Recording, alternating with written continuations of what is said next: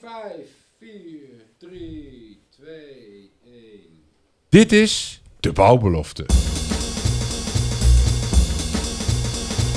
De podcast voor bouwers die het anders en beter willen doen. Met altijd een frisse kijk en dwarse blik. Arjan Tullintunnel. Anders en beter luisteraars. Dat is waar we voor gaan met de bouwbelofte. Met opnieuw een spraakmakende gast aan tafel. Welkom Eugenie Herms. Fijn dat je er bent. Dankjewel. Ja, en in het dagelijks leven ben je programmamanager houdbare huisvesting. Ja, Bij. Kleijsen. En houdbare huisvesting, dan denk ik aan een pak melk waar zo'n code op staat. Tenminste houdbaar tot. Maar misschien, ja, houdbare huisvesting en, en houdbare melk. Dat laatste snappen ook luisteraars, ik Mhm. ook. En bij houdbare huisvesting denk ik, hmm, kreeg ik even kortsluiting van. Dus ik denk, een mooi begin van deze podcast. Wat kun je daarbij vertellen? Nou, ik denk inderdaad wel vanuit de, de, de, de- hoe zeg je dat? Het, de verbinding met het houdbare melk. Dat je inderdaad zorgt dat huisvesting niet alleen de jas is die vandaag past, maar dat het ook voor de toekomst gericht is. En dat, eh, dat is waarom we voor houdbaar hebben gekozen als, eh, als term. En, en eh, mooi, dan, dan, dan is die gelijk duidelijk. Ehm, en een programmamanager bij Kleijsen. Ehm, daarvoor werk je bij Alliander en Liander en ook nog bij Nuon. Ehm, Rechtsvoorganger, ja.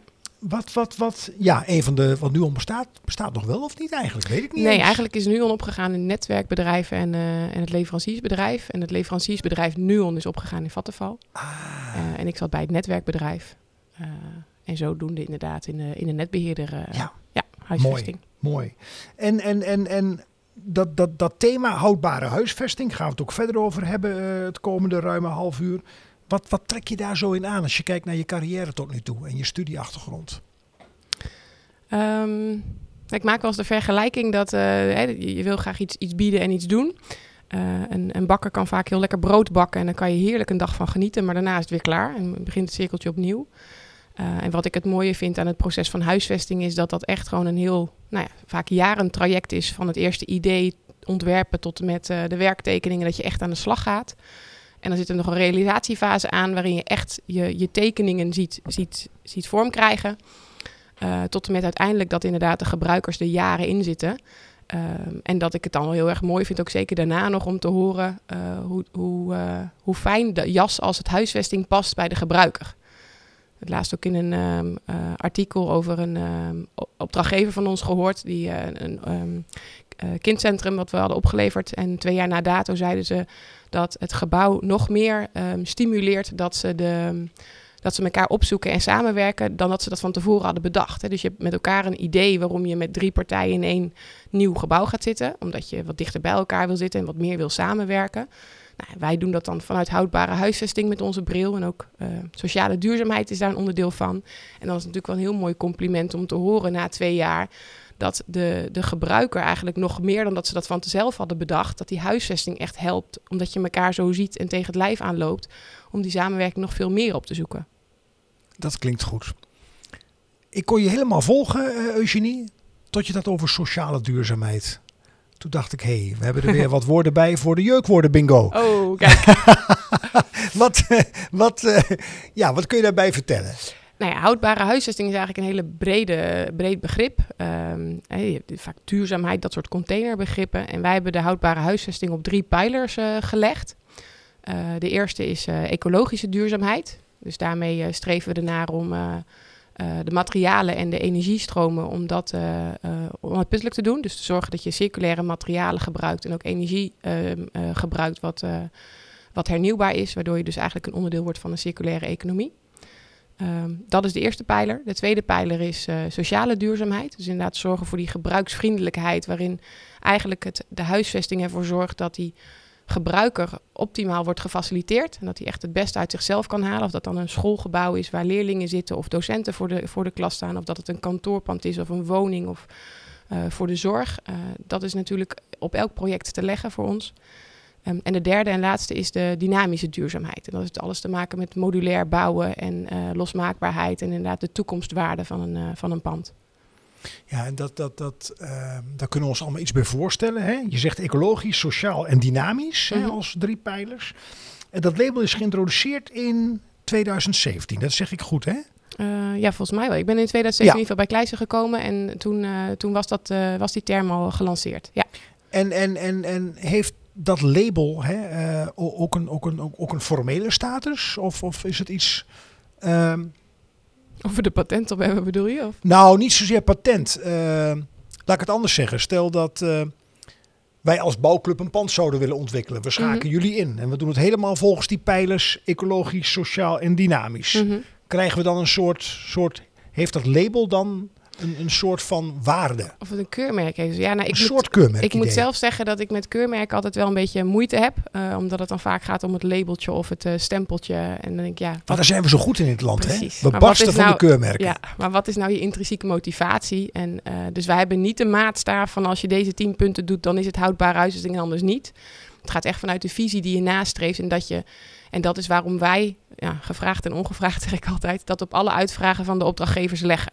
Dus ook als een opdrachtgever ons helemaal niet vraagt om houdbare huisvesting, maar die wil gewoon een, ehm, ehm, een, een, goede school voor eh, de nieuwe, ja, voor, eh, een- een, eh, voor de toekomst. Eh, dan leggen wij daar toch parallel onze houdbare huisvestingspijlers naast. En dan gaan we toch met de opdrachtgever in gesprek van... Goh, jullie hebben hier al ambities in opgesteld. En, en hoe kijken jullie naar deze onderdelen? En dan kunnen wij maar eigenlijk altijd wel plotten op onze houdbare huisvestingpijlers. En dat is ook eigenlijk onze, onze opmaten. Dus onze projectplannen, daar zit houdbare huisvesting in. En in alle faseovergangen herijken we ook van... Joh, wat hebben we nou bereikt? Wat is wel gelukt? Wat is niet gelukt? Wat kwam opnieuw op het pad? Maar daarmee zorgen wij er in ieder geval voor als projectmanagers ehm, dat we er continu eh, focus op blijven houden en op blijven sturen. Want soms lukt het niet om helemaal aan het begin van een project al concreet te hebben hoe het gaat zijn. En eh, komen kansen pas eh, gedurende het project naar voren. En ook dan moet je ze kunnen grijpen, dus daar moet je wel focus op houden. Ja, snap ik, snap ik. Voor we even naar, eh, want je zei net in een zinnetje het woord school, daar kom ik zo meteen op terug. Maar dat kan ook een zorginstelling Ja. zijn. Dus ik wil kijken of we ook het verschil kunnen duiden tussen eh, hoe de overheid hier naar kijkt. Hè? Ongeacht of het eh, landelijke, provinciale of lokale overheid is en bedrijfsleven. Maar ik zag ook staan op je LinkedIn profiel dat je opdrachtgevers uitdaagt. Mhm. Nou, toen was ik gelijk uitgedaagd. Want bij mij kwam toen de vraag boven: hoe doet Eugenie dat dan? Hoe daag jij opdrachtgevers uit? Ehm, ik denk door het gesprek aan te gaan en echt door te vragen. Dus je kunt inderdaad. Sorry. Je kunt eh, van tevoren uitvragen van wat is. ehm, ehm, ja, wat, wat is het programma van IJs? Soms ligt dat er al voordat wij überhaupt worden geselecteerd als projectmanager. Maar dat dan niet zomaar aannemen, maar inderdaad daarmee met in gesprek gaan en, en de opdrachtgever uitdagen. Ehm, en dat kan op verschillende vlakken zijn. Als je bijvoorbeeld, nou, we hebben het net over school. Als je het over scholen hebt, ja, wat straal je nou uit als school richting je studenten? Of leerlingen, of ligt er naar welk niveau ehm, opdrachtgever, welke school het wordt. Mhm. Ehm, maar wat wil je dan laten zien? Hè? Als je, je je basisschool bijvoorbeeld, als je je leerlingen wil laten zien hè, voor de toekomst voorbereiden, ja, wat laat je dan eigenlijk zien met je huisvesting? En ga je daar dan ook de juiste keuzes in maken? En ehm, ja, dat gesprek aangaan en, en, en die vragen stellen, eh, dat, dat vind ik wel heel belangrijk. En daarmee krijg je wel vaak dat mensen ehm, over dingen na gaan denken waar ze in het dagelijks leven, noem maar wat, als schooldirecteur helemaal niet mee bezig zijn. Nee, je moet gewoon een goede school hebben, zodat je goed les kan geven en dat je goed onderdak hebt voor je, voor je leerlingen. Terwijl dat ook echt de kans is om, eh, om gave dingen neer te zetten voor de toekomst. En dus ook voor je leerlingen. Hoor ik je dan zeggen, eh, Eugenie, ehm, hey, los van, van, van mijn kennis hè, en achtergrond en de rol die je hebt in het dagelijks leven, eh, je neemt niet zomaar genoegen met een antwoord, maar je vraagt door. Ja. Je, je wil echt het achterste van de tong Begrijpen, eh, ja precies. wil je weten. Je en, wil andersom, begrijpen. en andersom daarin ook mensen triggeren om inderdaad over dingen na te denken waar ze anders misschien eh, snel aan voorbij gaan, omdat dat niet een, nou ja, hun core business is en ze er niet altijd bij stilstaan. Maar zij wel de opdrachtgever zijn en eigenlijk aan het stuur staan van wat we met elkaar gaan ontwerpen en bouwen. Nou, die school gaan we zo meteen verder over hebben. Maar je ziet hier ook ehm, eh, een aantal kaarten voor me liggen. En het is goed gebruikt binnen de bouwbelofte dat onze gasten een nummer mogen eh, kiezen. En dan ga ik een vraag aan je stellen. En ik weet niet welke vraag het is. Spannend. Welke cijfer Een, kies je? nummer? Ehm, doe maar negen. Dan draai ik hem om. Ja, ehm, heb jij een moment of ervaring eh, binnen je werk waarvan je zegt, nou, daar verliep alles volledig op rolletjes. Dus de ideale teamsamenwerking. Dat werkelijk je aan één woord voldoende had om elkaar te begrijpen. En dat je zegt, wauw, dat was een super gaaf project. Poeh, ja, ehm, eh, ik ik merk bij mezelf een beetje een, eh, een ehm, hoe zeg je dat? Een, een dubbeling erin. Ehm, als iets soepel loopt, eh, ik heb ook juist wel het gevoel als, als, er, als er dingen op een pad komen waar je juist tegenaan loopt als team of als bouwteam. En je moet dat met elkaar oplossen, dat dat, dat dat juist veel meer geeft dan dat je dat vooraf denkt. Dus iets waarin een project waarin alles soepel verliep. Ik weet niet of je dan ook altijd per se het meeste eruit had wat erin zit, als je begrijpt wat ik bedoel. Dat is een interessante wat je nu zegt. Ja, ja. dus ehm, wat, wat, wat ik zelf, wat wij zelf binnen Kleis altijd wel, wel nastreven, is om, om vanuit Human Management ook te zorgen dat ehm, mensen in hun kracht worden gezet. En dat hoeft niet altijd het rolletje te zijn waarvoor je aan tafel zit in een bouwteam. Dus de architect eh, voor het esthetische deel en de installateur voor het technische deel.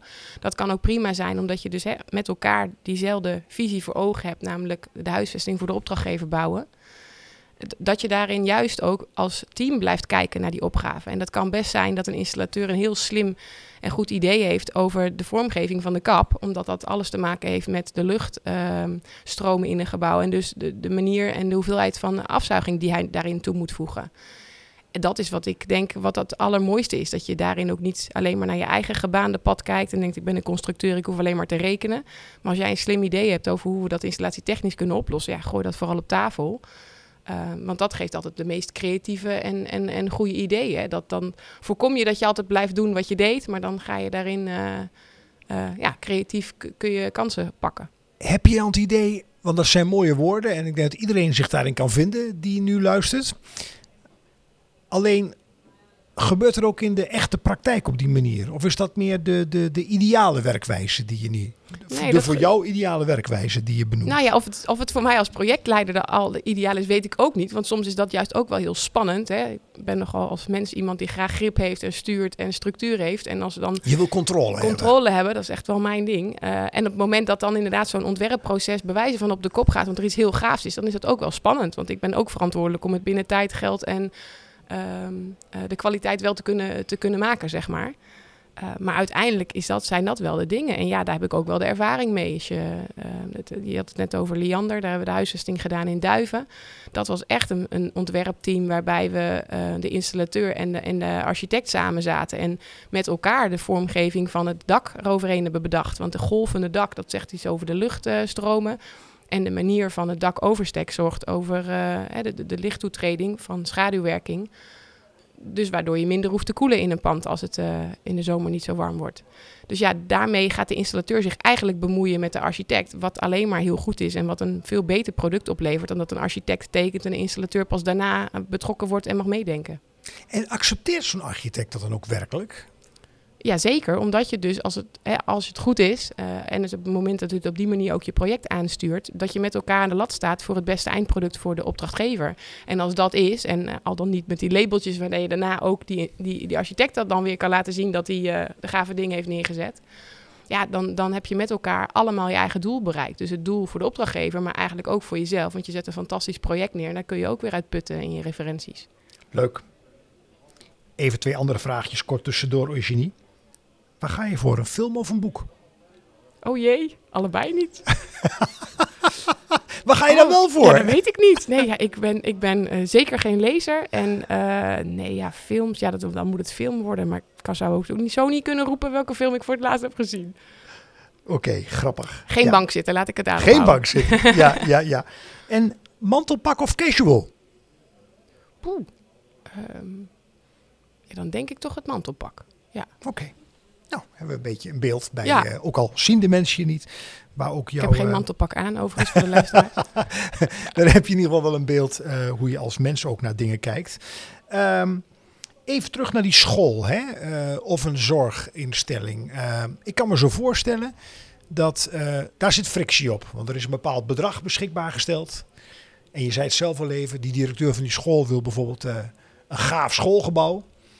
En is het geen beleving dat alles wat met duurzaamheid in de meest brede zin te maken heeft, wordt gezien als extra geld?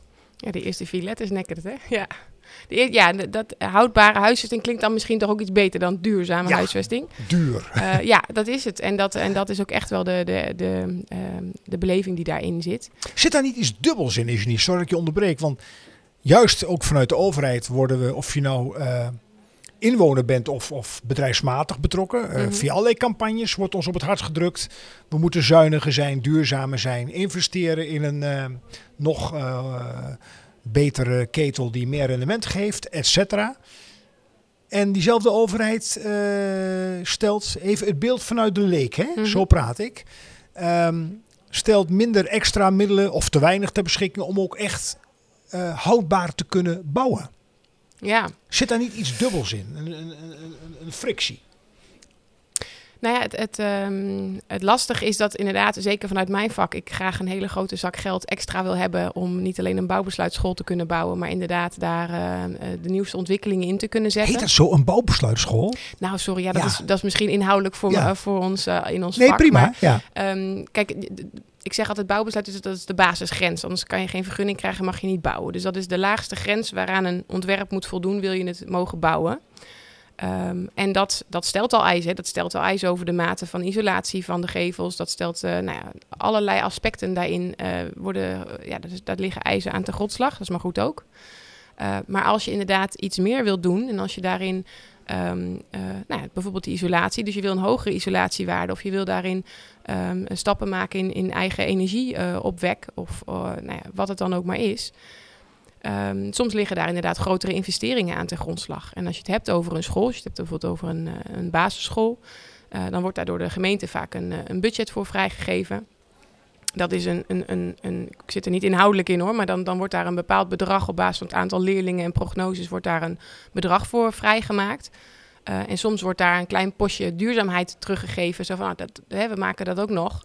Maar op het moment dat je dan inderdaad een, een stap verder wil gaan zetten, ja, dan zijn het ook vaak wel de investeringen die je moet doen. En dan is het uiteindelijk toch met elkaar wel heel lastig. Nou zeker nu in deze tijden waarin de prijzen enorm omhoog gaan. eh, om daar gewoon vanaf de allereerste stap tot en met daadwerkelijk eh, je ontwerp in de markt zetten. Om dat dan binnen budget te kunnen doen. En dat is wel ja, wat je niet wil. Dat in een ontwerpfase eigenlijk alle creativiteit eruit wordt geslagen. Want er is geen budget voor. Ja, en, en als je even kijkt naar de afgelopen jaren, eh, zie je dan juist door, eh, nou bijvoorbeeld corona of, of politieke ontwikkelingen, dat er, eh, dat er nog minder geld beschikbaar wordt gesteld voor juist die extra's die je nodig hebt om echt tot, tot houdbare huisvesting te komen. Nee, ik zie gelukkig niet een, eh, een eh, negatieve kanteling daarin. Misschien juist andersom wel. Dat je dus op het moment dat je nu een huisvesting gaat bouwen, veel beter nadenkt over het. Doordat we corona hebben gehad en met elkaar allemaal thuis gingen werken. En eh, veel meer gebruik zijn gaan maken van digitale middelen. Dat je daarin ook wel je, je omgeving anders invult. Hè. Als je naar een kantoorpand kijkt bijvoorbeeld. Dat we nu wel met elkaar de ervaring hebben van ja, weet je, er wordt ook veel meer thuis gewerkt. En dan is het heel fijn om een goede de goede techniek te hebben, dus de audiovisuele middelen en eh, goede internetverbindingen en dat het allemaal soepel loopt, dat dat eh, veel belangrijker wordt gevonden. Dus er, zal, er zit wel een verschuiving in. Ehm, maar juist hè, wat we gemist hebben met elkaar is die ontmoeting en, en, en dat we met elkaar een plek hebben om samen te zijn. Ja, nee, dat is er zeker nog. Ja, mooi. Ja. Mooi, ja. Hey, en als je dan kijkt naar eh, ontwikkelingen, eh, je mag het enten op je werk. eh, wat kan jou nou goed boos maken? Dat kan mij goed boos maken. Ja, wel, ik, Of een beetje ik, boos. Ik weet niet eens meer maar waarom het me nu zo te binnen schiet. Maar wat ik zelf wel heel ehm, frustrerend vind, is altijd het verpakkingsmateriaal. Als je het dan hebt over inderdaad afval en dat soort dingen. Dat, ehm, dat het gewoon heel lastig is om, ehm, ehm, of dat, dat eigenlijk te pas en te onpas alles wordt verpakt en eh, in plastic wordt gedaan. En eh, ik noem maar het, de wekelijke boodschappen. Als je die dan thuis krijgt, dan hebben we vervolgens weer een, een, de oranje kliko half vol. Ehm, dat ik denk, ja, dat, dat moet toch allemaal veel beter kunnen. Dan denk ik, waarom eh, moet overal weer een plastic en een cellofaantje over? Los dat het mijn vakgebied niet is. Hè. Ik heb geen idee hoe je voedingsmiddelen eh, goed moet houden en dat soort dingen. Maar dat vind ik toch, dat ik denk, ja, daar moeten we toch ook met elkaar wel betere oplossingen voor kunnen verzinnen. Om te voorkomen dat ik inderdaad eh, elke week weer met dezelfde boodschappen bewijzen van weer elke keer een berg afval produceer. En juist omdat het je vakgebied niet is, hè, want ik denk dat iedere luisteraar, ik zelf ook, dit Mhm. herkent. Eh, sinds ook ik eh, plastic heel bewust gescheiden hou, valt je pas op hoeveel plastic je eigenlijk eh, ja, als huishouden iedere week Ja. weg, wegbrengt. Ehm, juist door de bril van de leek bekeken, want zo beschouw je jezelf, stel er geen beperkingen waren. Hoe zou jij het, welke oplossingsrichting komt dan bij je op? Om dit dus tegen te gaan, dat Nou ja, wat ik- overmatige afvalgebruik. Door plastic. Precies. Kijk, wat ik, eh, maar dat zijn nou inderdaad de initiatieven. En dan moet ik ook meteen hand in eigen boezem steken dat ik, eh, dat ik daar in mijn, eh, in mijn drukke leven niet altijd de tijd voor maak. Maar daar zijn echt wel initiatieven in. Dat je in grote steden, dat je daarin.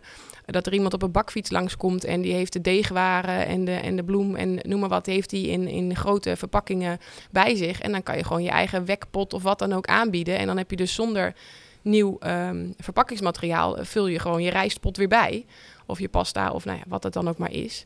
En dan denk ik, ja, dat, dat is wat je eigenlijk zou willen. En op het moment dat ik dan inderdaad een, ehm, een, een pakje pasta in de winkel koop, dan zit daar een plasticje omheen en een papiertje omheen en een cellofaantje en een plakketje. En dat ik denk, ja, weet je, dat hoeft niet in een klein zakje. Dat mag best in een grote baal. En dan kan dat best inderdaad eh, vanuit mijn keuken eh, aangevuld worden. Als er dan iemand op een eh, fiets voorbij komt fietsen die dat dan kan aanleveren. Dat is een mooie, eh, mooie praktische benadering. Zie jij die praktische benadering ook terug op een gemiddelde bouwplaats? Het valt Eh, mij op als ik ja. langs bouwplaatsen rij, eh, ook door deze podcasts, eh, dan schrik ik nog steeds wel van de enorme containers met afval die er weggaan. Mhm. Bedoel je dan het afval van slopen materiaal of inderdaad een nee, nieuw materiaal? gewoon nieuwbouw. Nieuwbouw, Mhm. maar ook een installateur. Dat ik zie hoeveel lengtes, 4, 5, 10 meter eh, grijze kabel, hè, even technisch, en Mhm. VKS-kabel voor eh, stroomvoorziening gewoon moeiteloos eh, de container ingaan. Ja. Restante tegels die over zijn van een aantal huizen die gebouwd worden. Het kan een observatie van mijn kant zijn die toevallig is, maar ik heb niet de indruk dat daar echt op gelet wordt. Maar ik kan het verkeerd hebben. Hoe, zie jij dat door jouw bril Ehm, bekeken? Nou ja, wat ik, wat ik eh, denk, wat belangrijk is om, om in rekening mee te kijken, als je inderdaad een, een lengte kabel hebt ehm, en je gaat hem in de praktijk in een eh, gebouw doorvoeren en je komt een stukje tekort, dan kan je de hele kabel weer eh, afvoeren. dus dat je daarin dan de ruimte en de marges houdt om te zorgen dat het dan ook in één keer erin kan. Ja, met de consequentie dat je dan een stuk over hebt. Eh, en hetzelfde geldt voor tegelwerk. Op het moment dat er op de bouw iets sneuvelt, wil je niet dat je met een andere kleur of een andere pallet eh, tegels eh, verder moet plakken, zeg maar. Dan wil je dat dat wel bij elkaar is. Dus ik, ik denk dat ik wel kan voorzien waarom dat dan soms wat te ruim wordt gemeten. Ehm, wat niet wil zeggen dat ik het eens ben met dat zoiets dan in een stortcontainer belandt. Ehm, maar goed, ja, weet je, dat, vanuit de praktijk snap ik wel dat het inderdaad niet altijd eh, wat je het liefst zou willen, dat het eh, bij wijze van aan fabriek eh, precies pas wordt aangeleverd zonder dat daar iets rest, resterends voor teruggaat. Nou, dat, dat klinkt wel aannemelijk. ook goed om, om te weten. Ehm, met jouw goed vinden pakken we één of twee projecten beet waar je mee, mee bezig bent. Mhm. Willekeurig. Ehm, zeg maar Triada in Heerde, hè, verduurzamen van sociale huurwoningen. Mhm. Ehm, eh, daar, daar, daar heb je een rol gehad om ook eh, projectmatig werken hè, nog meer te laten landen. Vertaal ik het zo goed? Ja. Ehm, vertel er eens iets over, want, want je hebt het met name over, ehm, en dat vond ik interessant, over de harde, zowel als de zachte kant van projectmanagement. Terwijl projectmanagement eh, ogenschijnlijk alleen maar hard is. Oeh, nee hoor, gelukkig Le- niet. lees, lees de Excel-staatjes moeten kloppen. Eh, ja. ja, weet je, als je inderdaad naar de, naar de Gothic kijkt, hè, geldt eh, dus die vijf elementen. Wat wij heel belangrijk vinden, is dat je ook juist die zachte kant doet. En dat is wat ik denk dat de meerwaarde is en, en de toegevoegde waarde, wat ook eigenlijk mijn verantwoordelijkheid is als projectmanager, om juist die zachte kant er ook in te hebben. Wat ik net eigenlijk aan het begin van de podcast ook al zei, is je hebt een architect die, eh, die gaat voor de esthetische ontwerp van je, van je huisvesting en de constructeur moet het doorrekenen.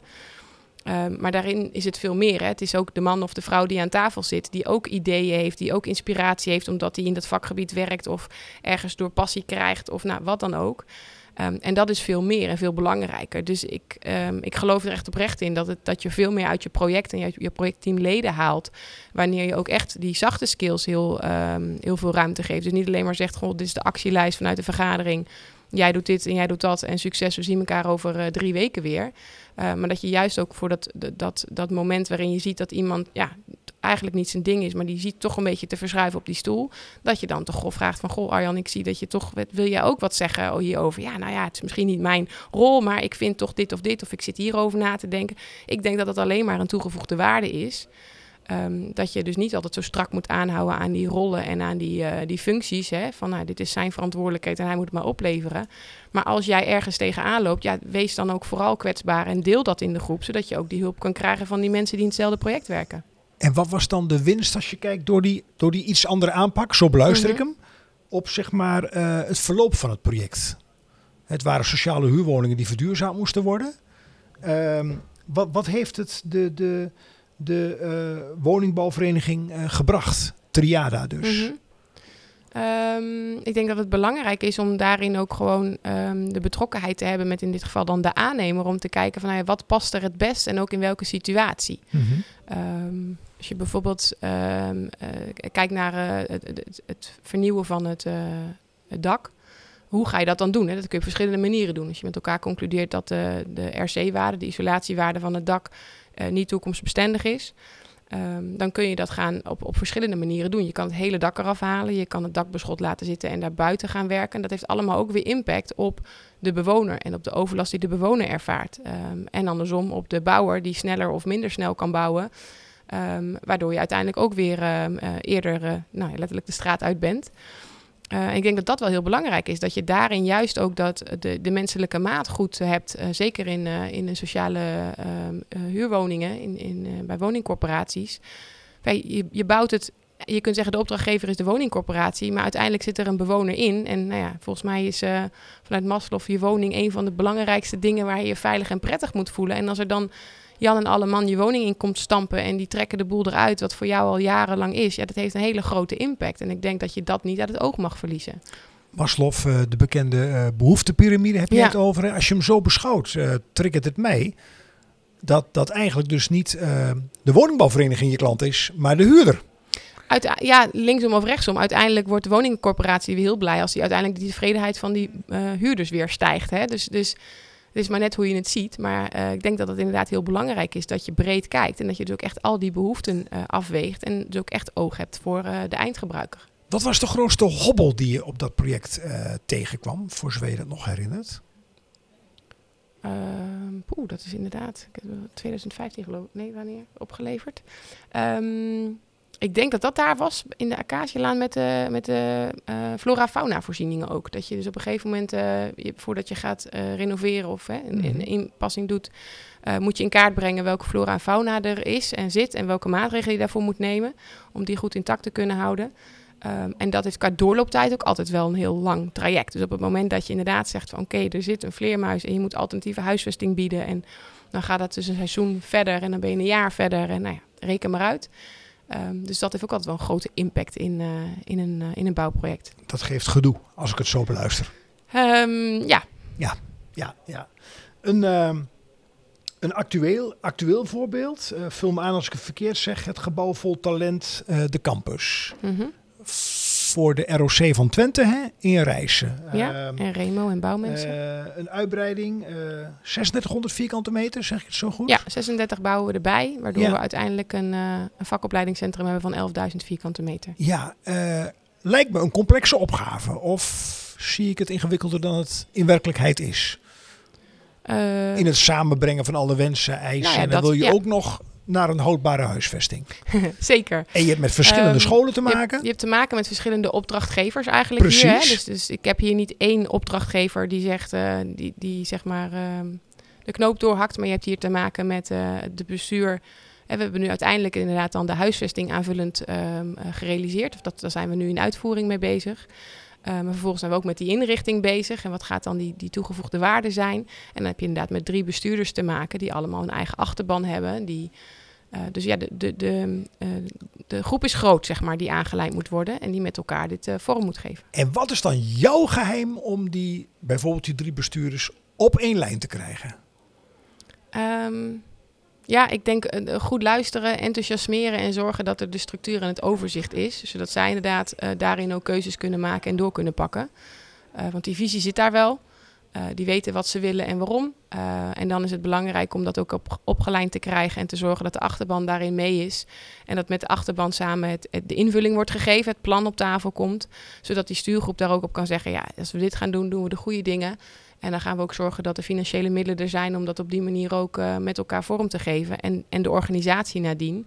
Om te zorgen dat je natuurlijk eh, eh, het niet alleen bij de oplevering hebt, maar eh, jarenlang ook zo eh, blijft voortzetten. Zitten er vanuit jouw werkervaring, studieachtergrond ook echt nieuwe elementen in? In de zin van andere vormen van samenwerking? Of heb je gaandeweg ook andere zienswijzes gekregen? Of was het meer zoals je het altijd deed? Uh, ik bedoel, eh, want ik zie je kijken, uh, drie verschillende opdrachtgevers. Mhm. Dan kun je dat vanuit je ervaring op een bepaalde manier vormgeven, die samenwerking. Of was er ook ruimte om dat anders te doen, om uiteindelijk tot een beter resultaat te komen? Uh, ik denk dat in het project van Campus het juist ook heel, heel um, verschillend is gegaan. Ik ben in 2018 begonnen uh, met een, eigenlijk een, een inventarisatie-onderzoeksopdracht om bij alle partijen eens even koffie te gaan was drinken. Was dat aan het begin of was, dat de trein toen al oké? Okay. Ja, dus er was een idee en de, de gebouweigenaar die, die voelde dat er dus uh, aan de ene kant behoefte was uh, om meer huisvesting te krijgen. En nou, die had dat zelf niet in beeld. Die heeft ons gevraagd om dat in beeld te gaan brengen. Dus wij zijn letterlijk op de koffie gegaan en wat, wat, wat zit je nu? Hoe ervaar je de huisvesting nu? Wat zijn eigenlijk je wensen? En uiteindelijk hebben we besloten om alle partijen bij elkaar in één ruimte te zetten. En te zeggen, ja, eigenlijk als we jullie goed beluisteren, dan uh, merk je dat hè, je hebt meer vakmensen nodig en um, het aanbod daalt. Uh, maar dat is een beetje een kip-ei verhaal. Op het moment dat je inderdaad niet het aantal studenten hebt wat stijgt, waardoor je ook de middelen kunt investeren, ja, dan is het ook heel moeilijk om het aantrekkelijker te maken. Dus dat was op een gegeven moment waarvan wij met elkaar de conclusie hebben getrokken. We moeten de handen ineens slaan om hier de boot niet te missen. En te zorgen dat we meer vakmensen naar, uh, voor Twente naar, uh, naar reizen halen. Uh, en dat is ook zo gedaan. En uiteindelijk heb ik dus een hele tijd met een stuurgroep van zes verschillende bestuurders gewerkt. En eigenlijk pas nadat we met elkaar um, ja, akkoord hebben gegeven op de start van de bouw van die 3600 vierkante meter, hebben we de stuurgroep weer wat kleiner gemaakt. En gezegd, nou dan gaan we de drie bestuurders die echt daadwerkelijk aan de lat staan voor die inrichting. Wat niet wil zeggen dat die andere bestuurders minder belangrijk zijn of niet een grote inbreng hebben gehad in het hele project. Maar dan maak je hem wat kleiner om ook met elkaar concreet voor te zetten van nou, hoe gaan we hem dan nu doorpakken. Mooi, mooi. En tot nu toe zeg je dat loopt helemaal oké. Okay en ja, zeker. Uh, is al een goed project uh, zoals het is. Um, dit voorbeeld afrondend, als je dan kijkt naar, naar wat jullie houdbare huisvesting noemen, heb je daarin ook in dat project de ruimte om dat ook mee te nemen? Gegeven um, budget, ja. tijd, kwaliteit, wat je eerder zei. Nou ja, en toekomstvisie, hè, dat je inderdaad helder hebt van joh, we zetten het nu neer, we weten niet precies. Um, uh, we zetten het nu neer voor de functies die we nu voor ogen hebben, waarvoor we huisvesting nodig hebben. Maar wat nou als dit een goed lopend project is en uiteindelijk meer aantrekkingskracht krijgt en we eigenlijk gewoon dan weer onderwijsruimte te weinig hebben. Dus wij hebben ook qua staalconstructie erop voorgesorteerd en op bestemmingsplan aangepast dat er nog twee verdiepingen bovenop zouden kunnen in de toekomst. Weet je, dat zijn wel dingen, daar moet je nu over nadenken en zorgen dat je je constructie zo goed uitlegt dat dat in de toekomst kan. Want je gaat niet in de toekomst in een bestaand pand de, de fundering nog eens even verzwaren. Alles kan, maar uh, het is verstandig om dat vanaf het begin mee te nemen. Mooi, mooi voorbeeld. Uh, Dank je wel. Um, je hebt één vraag gekozen, maar er zijn nog meer vragen. Uh, noem nog maar eens een cijfer. Dan gaan we kijken wat eronder tevoorschijn komt. Ga ik voor nummer twee. Voor nummer twee. Waar kun jij je echt druk over maken op dit moment? Poeh, we hadden het net al over afval, hè? Um, waar kan ik me druk over maken? Mag in iedere willekeurige situatie zijn. Ja, ik vind hem lastig. Ik heb net inderdaad de afval geroepen. Ja. Dat is wel iets waarvan ik, wat, wat in me oppopte. Waar maak ik me druk over op dit moment? Of recentelijk? Ja, ik vind het lastig. Zullen we een ander nummertje doen? Goed idee. Kies maar een nummer. Eén. Dat is misschien ook wel een aardige. Oh. Uh, hoe ben jij als je stress hebt of onder druk staat? Welke Eugenie zien we dan? Dan ben ik nog drukker. Nog drukker? Ja, dan ben ik nog drukker. Ja. Ja, dat denk ik wel. Dan uh, ga ik nog meer ratelen en uh, uh, ja, dan ga ik nog meer proberen om grip te krijgen en dan ga ik daar nog meer op sturen. Ja. ja. En als je die grip dan niet krijgt, wat, wat gaat er dan gebeuren? Ja, of niet snel genoeg? Ja, dan uh, wordt het wel escaleren, hulpvragen en uh, rah, ja. nou, heel menselijk denk ik. Ja, ik denk dat dat denk menig luisteraar er ook wel uh, hinder van heeft. Um, even tussendoor riep je een woord, you-management. Toen dacht ik, hé, hey, is dat de nieuwste HR-hype? de nieuwste human resource hype, you-management? het is wel het human inderdaad gekoppeld aan ons Ja. vak als projectmanager, ja. Ja, nou, ehm, jullie zeggen Het is een methode die je gebruikt om de samenwerking te optimaliseren. Is mensgericht. Mhm. En dan denk ik, eh, positief kritisch bedoeld, wat is daar nu nieuw aan? Behalve dat mooie jasje wat je dan U-management noemt. Nou, je gaf net zelf volgens mij al aan, als projectmanager moet je op de harde dingen, hè, word, word je geacht op Ja. de harde dingen te sturen. Eh, wij geloven dat we niet alleen op de harde dingen moeten sturen, maar ook op het, het human deel. Ja, dus wat ik zeg, op het moment dat die constructeur een hele mooie oplossing heeft voor een esthetische opgave of installatietechnische, ja, laat hij dat ook vooral inbrengen. En niet zeggen van ja, maar dat is niet jouw, eh, jouw portie, daar moet je je niet mee bemoeien. Ehm, en andersom, op het moment dat je ziet dat iemand ergens mee struggelt, ja, weet je, probeer dat ook gewoon open in het in, eh, in, ehm, in de team te delen, zodat je met elkaar daar ook hulp in kan vragen. En niet kan zeggen, ja, het is mijn verantwoordelijkheid, ik moet dat zelf opknobbelen of oplossen. Soms is het ook Mhm. gewoon goed om, om je daar juist kwetsbaar in op te durven stellen. En dat dan ook te benoemen. En dan ook, eh, nou ja, of achteraf nog eens even weer na te bellen van, goh joh, Hè, zat je wel lekker in de vergadering, Ja. merkte wat. eh, ja, dan, dan komt er soms wat uit. Dan denk je, ja, joh, gooi dat erin. Dan kunnen we dat misschien oplossen. En dan is de lucht snel geklaard. En ik denk dat dat wel heel belangrijk is. Dat je niet alleen maar stuurt op de harde dingen. Maar dat je oog hebt voor de mens. En ehm, ja, dat, dat kan eh, heel veel verstoringen voorkomen. Wat, wat is voor jullie eh, het motief of, of, of de aanleiding, of misschien wel motief en aanleiding, om, om deze methode te gebruiken? Nou ja, omdat we zien dat er inderdaad heel veel op de Gothic wordt gestuurd. eh, de harde elementen. Ehm, Je zegt gothic, hè? Ja. Voor de mensen die het niet weten. Want ik dacht even aan muziek, gothic. Oh ja, nee, nee, nee, Ja. zeker niet. Dit is de afkorting van de elementen, zoals ge- geld, tijd, eh, geld, tijd, kwaliteit. ah, eh, oké. Eh, De, de, de kansen, de risico's, dat soort Ja, elementen. ja. Dat zijn harde elementen. Die staan eigenlijk altijd in een projectmanagement in de faseovergang. Van zitten we nog op budget? Hoe lopen we in de tijd qua planning? dat soort elementen. Ehm, terwijl het ook heel belangrijk is hoe het met de mens gaat. En dat is vaak niet iets wat hard wordt uitgevraagd, maar wat wij toch ook wel belangrijk vinden om dat mee te nemen. Omdat dat maakt van hè, wat is de transitie? Als je het bijvoorbeeld hebt over nieuwe huisvesting, hoe zit het met de transitie van de organisatie erachter? Is die er al klaar voor of nog niet? Of is die nog niet voorbereid op wat er gaat komen? Moeten mensen daar eh, in het hier en nu, het is eh, einde 2021, een beetje aan wennen aan ook die, eh, eh, met name bij technische mensen, mag ik het zo Mhm. zeggen, aan ook die, wat jij noemt die zachte kant, die menselijke kant. Nou ja, ik denk dat het ook niet zo heel opzichtig is of zo. Ik denk dat het vaak ook is wat wij terugkrijgen van opdrachtgevers aan het einde van een project. Dat ze vinden dat oh, de, de manier waarop wij onze projecten managen, dat dat zo prettig is gegaan. Dat dingen gewoon zo soepel lopen en qua schakelen. En dat ze dat ook helemaal niet zo heel erg ervaren als dat we iets anders doen. Maar dat het wel eh, de kwaliteit is die ze achteraf heel erg eh, waarderen. Hartstikke goed, hartstikke goed. Ja, zo ehm, eh, langzaam richting een afronding, afronding Eugenie. Eh, je hebt al een hele eh, mooie carrière achter de rug. Stel, we spreken elkaar over twee jaar weer. Waar, waar, waar, waar sta je dan professioneel? Wat zou je dan bereikt willen hebben? Waardoor je nog steeds zo bevlogen bezig kunt zijn zoals je nu overkomt. Mhm. Ja, eh, bezig blijven met de nieuwste ontwikkeling. Ik denk dat dat heel erg belangrijk is. Dat je niet, eh, net wat ik zeg, die, die ontwikkeling in die, in die gebouwen, dat, dat gaat en dat is. En er zijn zoveel ontzettend ontwikkelingen op circulaire hè, het materiaalgebruik, op eh, energievoorzieningen.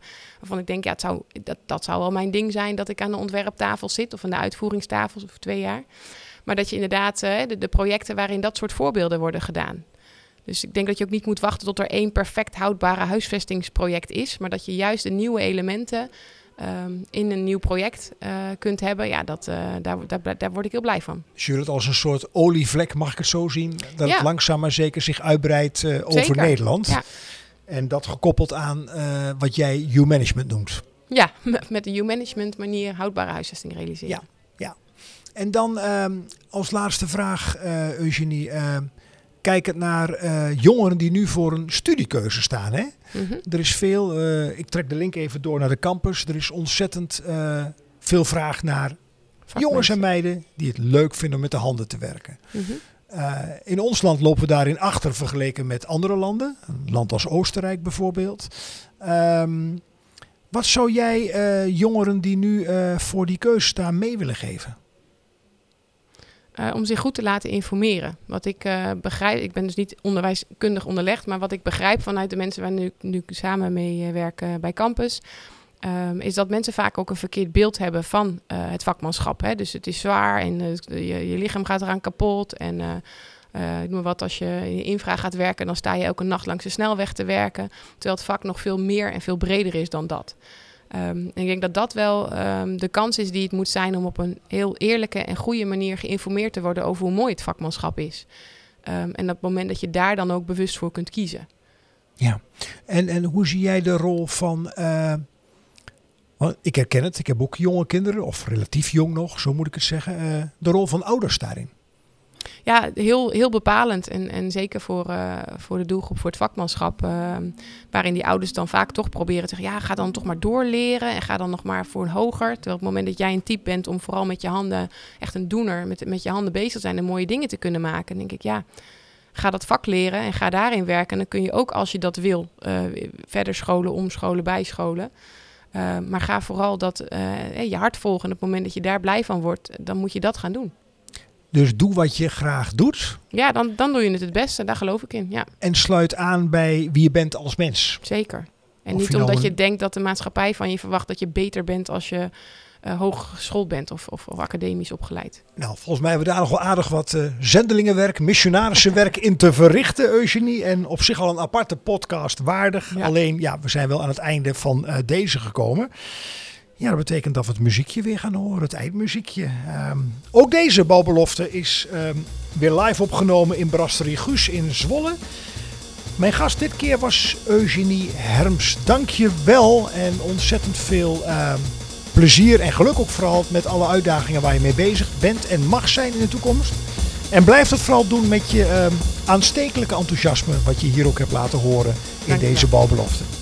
Nou, ik sluit af met de bekende woorden. Tot de volgende bouwbelofte.